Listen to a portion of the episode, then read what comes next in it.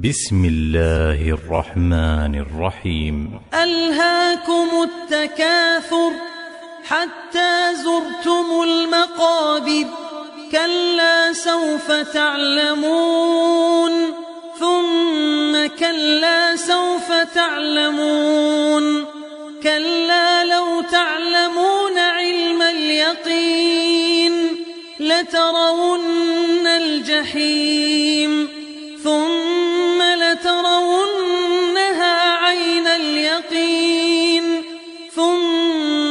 لتسألن